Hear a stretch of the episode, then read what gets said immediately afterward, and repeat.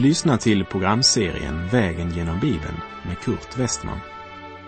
Programmet sänds av Transworld Radio och produceras av Norea Radio Sverige. Vi befinner oss nu i Hesekiels bok. Slå gärna upp din bibel och följ med. Vi avslutade förra programmet med att påminna om sammanhanget mellan Hesekiel 2, vers 9 och 10 och Hesekiel 3, vers 1. Vi läser det avsnittet i sekel 2, vers 9 till och med 3, vers 1. Och jag såg en hand räckas ut mot mig och i den såg jag en bokrulle. Han bredde ut den framför mig och den var fullskriven på insidan och utsidan. Och där var klagosånger, suckan och verop uppskrivna. Han sade till mig, du människobarn, ät vad du ser framför dig. Ät upp denna rulle och gå och tala till Israels hus. Gud ger Hesekiel en inblick i det budskap han kommer att måste predika för sitt folk. Det är mer än tungt, fullt av suckan och verop Profeten förbereds för sin krävande uppgift. En tung och svår kallelse i en avfallstid präglad av religiösa aktiviteter och synd blandade om varandra till en enda stor grå andlig dimma. I Hesekiel 3.1 möter vi åter orden människobarn. Det är den titel eller det namn Hesekiel får inför den uppgift som väntar honom och inför det lidande han skulle måsta erfara. Hesekiels uppgift var inte att gå till stadens bibliotek och lära sig några fina fraser som han sedan kunde ropa ut till folket. Profetens gudsliv ska inte kännetecknas av en bok under armen utan av en ström i hans inre. Och då måste han vara ett med det budskap han ska förmedla. Ät vad du ser framför dig i Herrens order. Ät upp denna rulle och gå och tala till Israels hus. Hesekiel måste bli ett med budskapet, ett med Guds ord liksom Guds ord ska vara något som lever i oss. Den som inte lever i Guds ord borde inte heller förkunna Guds ord. Vi läser Hesekiel 3, verserna 2 och 3. Jag öppnade min mun och han gav mig rullen att äta. Han sade till mig, du människobarn, mätta din mage och fyll din buk med den rulle som jag nu ger dig. Jag åt och den var söt som honung i min mun. Den bästa dieten för en Jesu lärjunge, det är Guds ord. Får jag fråga dig, älskar du Jesus? Eller kanske jag hellre borde fråga, älskar du Guds ord? Du älskar inte Jesus om du inte älskar Guds ord. Du måste älska Guds ord innan dess innehåll kan få någon verklig mening i ditt liv. Guds ord uppenbarar en person för dig och så får du kärlek till den personen som är Messias. Guds marschorder till Hesekiel lyder så här. Ät upp denna rulle och gå och tala till Israels hus. Orden Israels hus omfattar alla och i villkorslös lydnad öppnar Hesekiel munnen och äter bokrullen som är söt som honung i hans mun. Hela denna vision som han ser upplevs så starkt att han tycker sig känna smaken av bokrullen. Och vi läser vers 4 och 5. Han sade till mig, du människobarn, gå till Israels hus och tala mina ord till dem. Ty du blir inte sänd till ett folk med ett främmande språk och obegripligt tal, utan till Israels hus. Han skulle inte resa ut som missionär till ett främmande land, utan Gud sände honom till hans egna, men de tog inte emot honom. Hade Gud sänt honom till ett främmande folk där han först hade varit tvungen att lära språket, så skulle de nog ha lyssnat på honom, säger Gud. Vi läser vidare vers 6 och 7. Inte till många folk med främmande språk och obegripligt tal som du inte förstår. Om jag sände dig till sådana skulle de lyssna på dig. Men Israels hus vill inte lyssna på dig, ty de vill inte lyssna på mig. Hela Israels hus har hårda pannor och förhärdade hjärtan. Trots detta sträcker Gud ut handen till detta hårda folk.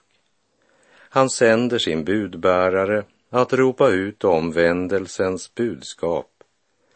Men Hesekiel kommer att göra den smärtsamma erfarenheten att det folk som förkastat Gud förkastar också Guds profet. Vi läser Hesekiel kapitel 3, vers 8 och 9. Men se, jag gör ditt ansikte hårt som deras ansikten och din panna hård som deras pannor. Jag gör din panna hård som diamant, hårdare än flinta. Frukta inte för dem och bli inte förskräckt, ty det är ett upproriskt släkte. Gud tänker inte kompromissa i denna livets hårda verklighet. Därför gör Herren sin tjänare hård som diamant, det vill säga hård på ett sådant sätt att han kan skära utan att själv bli skuren. Guds tjänare ska påverka världen, inte själv bli påverkad av världen.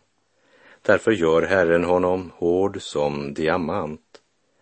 Hesekiel ska inte frukta för detta upproriska släkte. Han ska frukta Gud och ingen annan. På samma sätt ska en pastor eller församlingsföreståndares budskap inte styras av en styrelse eller ett äldsteråd, utan av Guds ord och han skall frukta Gud och Gud alena. Människofruktan får aldrig skrämma ett Herrens vittne till reträtt.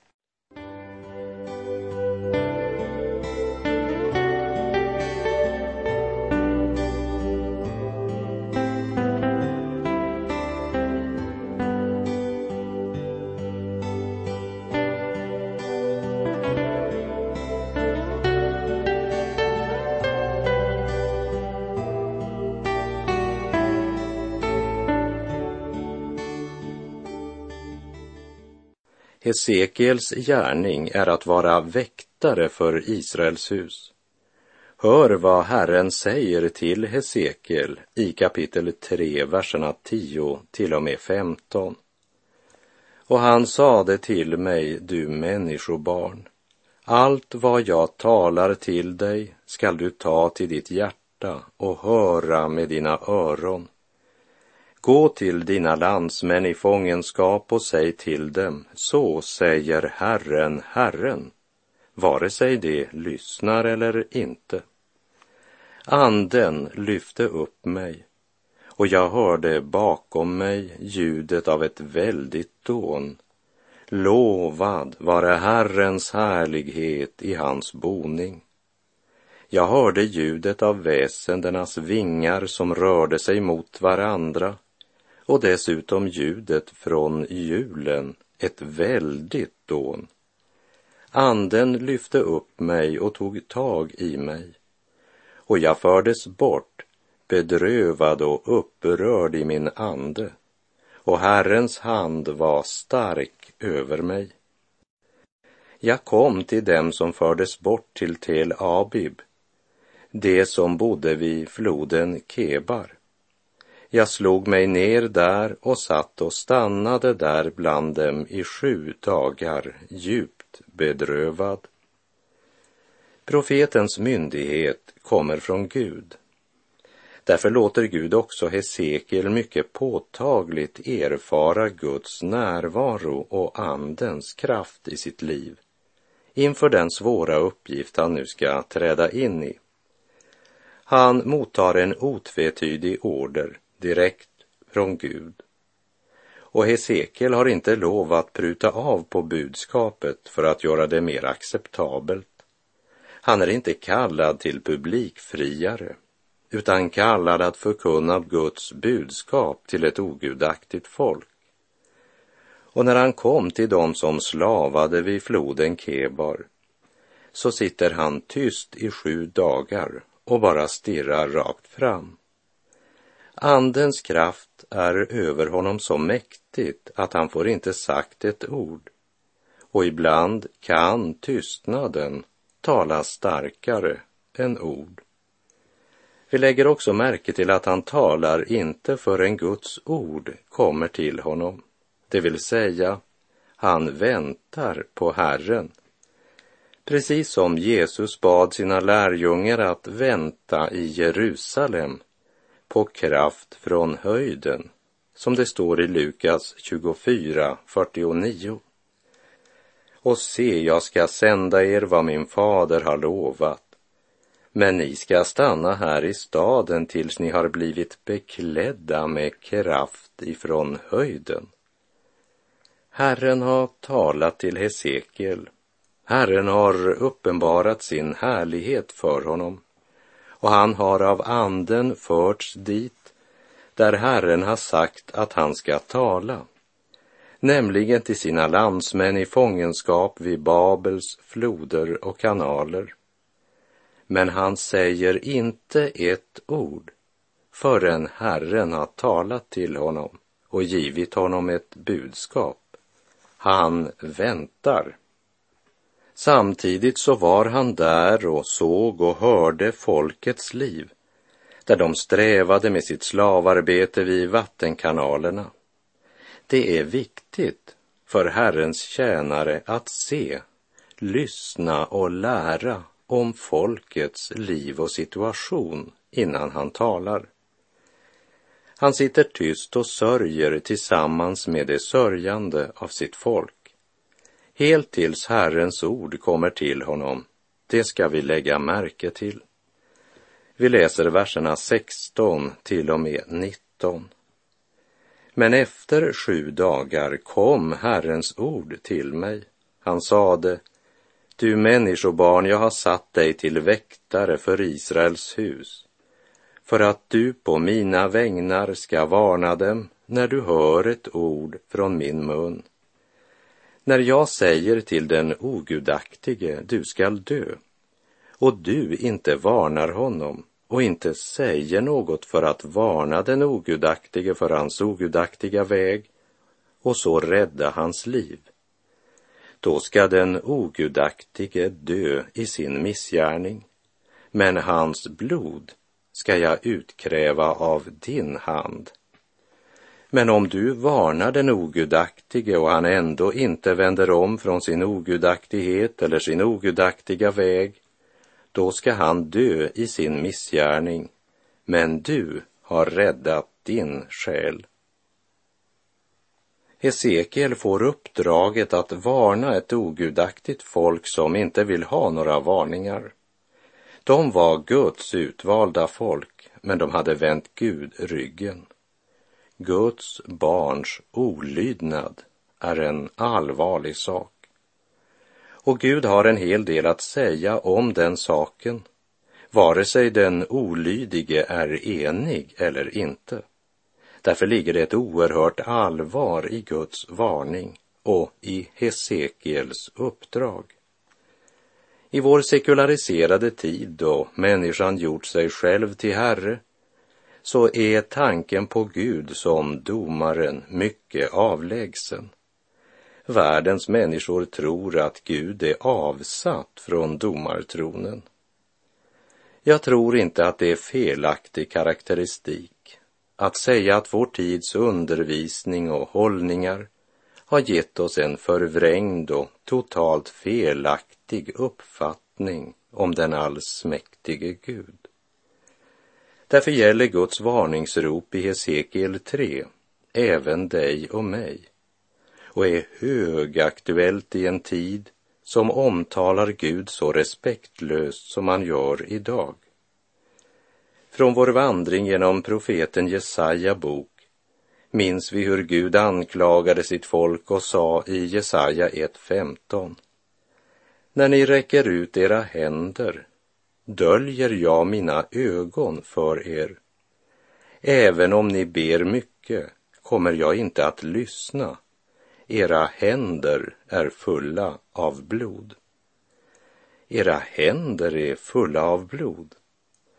När Gud i sin anklagan av sitt folk kommer så långt att han säger era händer är fulla av blod, då är det en och annan i församlingen som drar en lättnadens suck.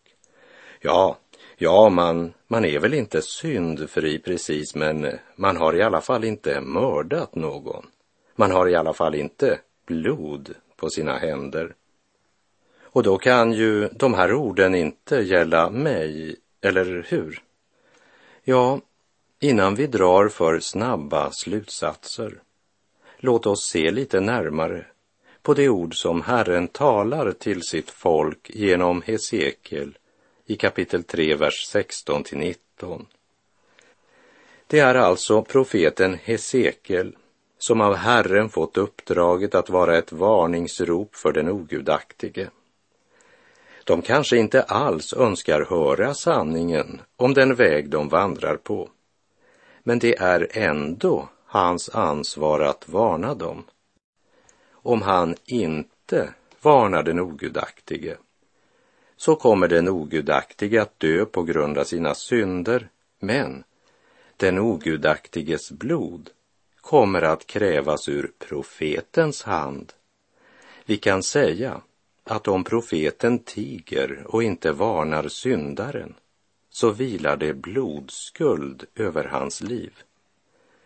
Och jag måste säga, det sista jag skulle önska här i livet vore att vara en pastor som inte förmedlar Guds ord. Tänk att en dag stå inför honom som ser och vet allt och höra honom säga, dina händer är fulla av blod.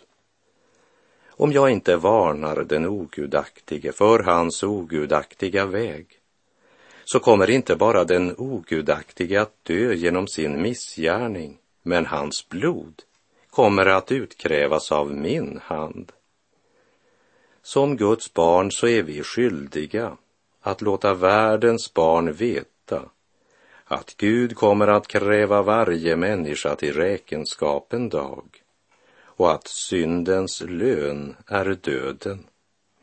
Om inte du och jag som är Guds barn ska varna dem som vänt Gud ryggen, vem ska då göra det?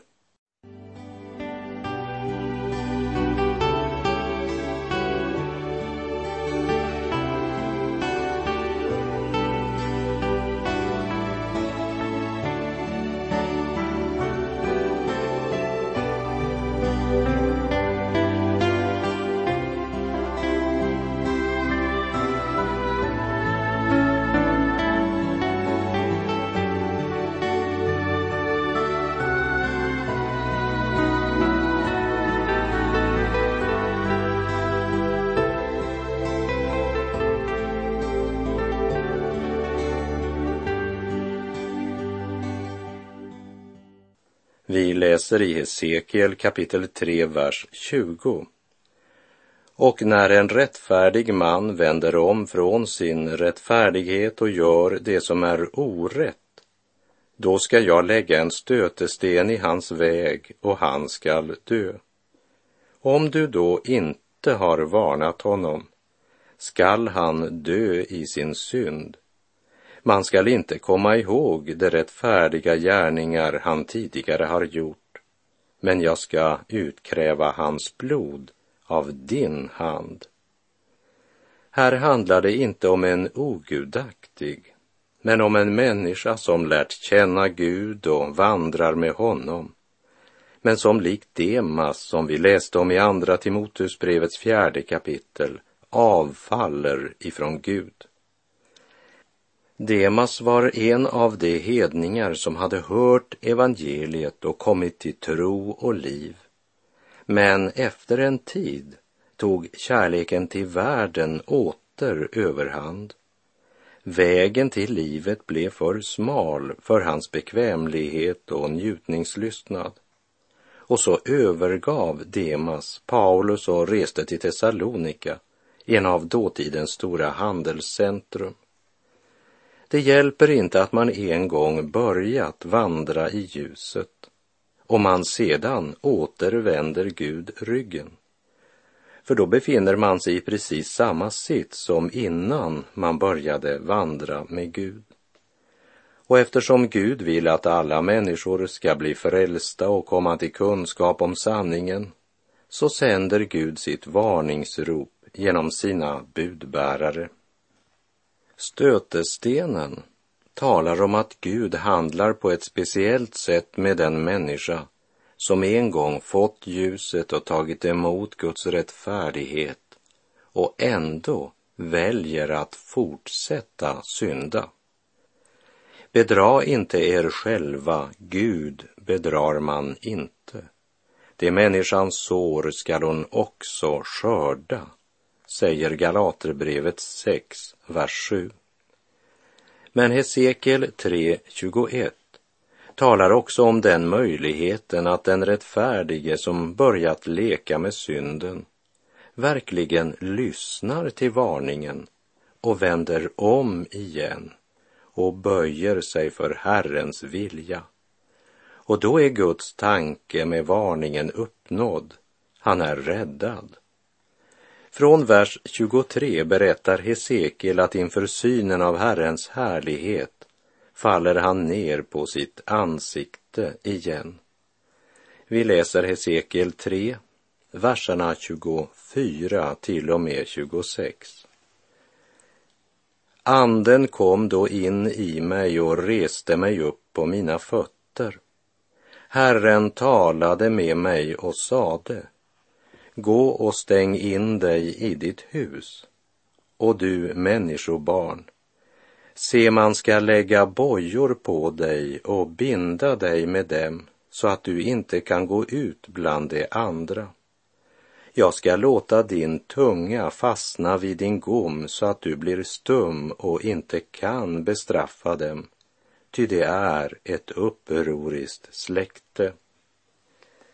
Hesekiels budskap och hans liv är en dom över ogudaktigheten.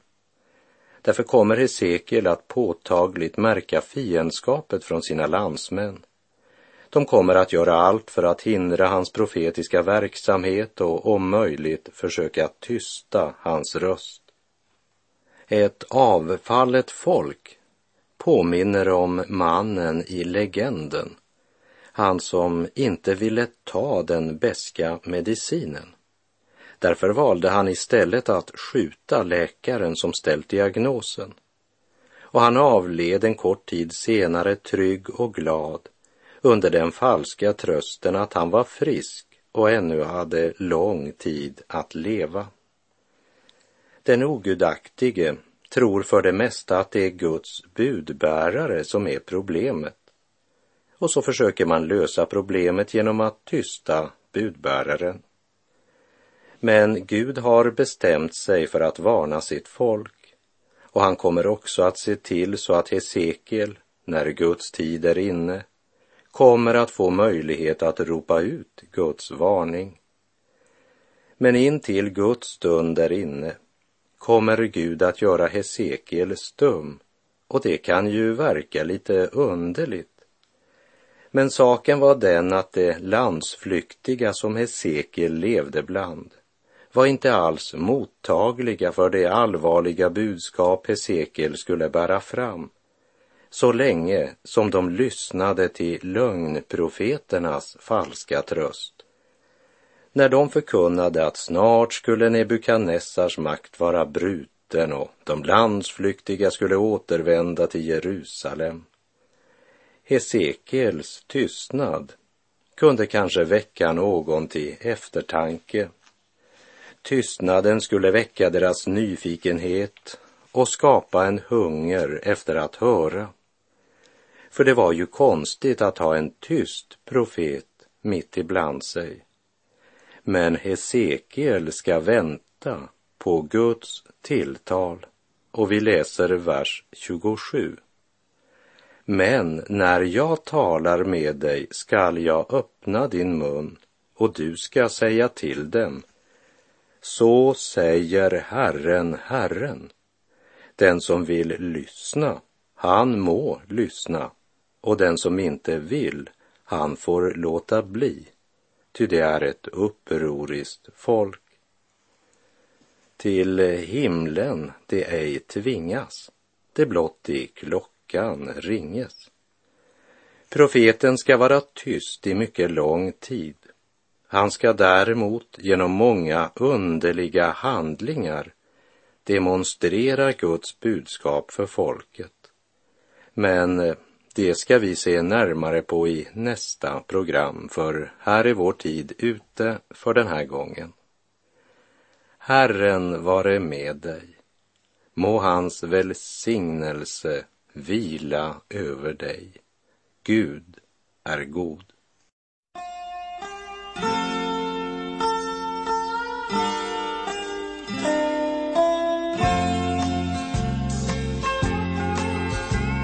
En liten fattig människa Du föddes av din mor För att leva några korta dagar här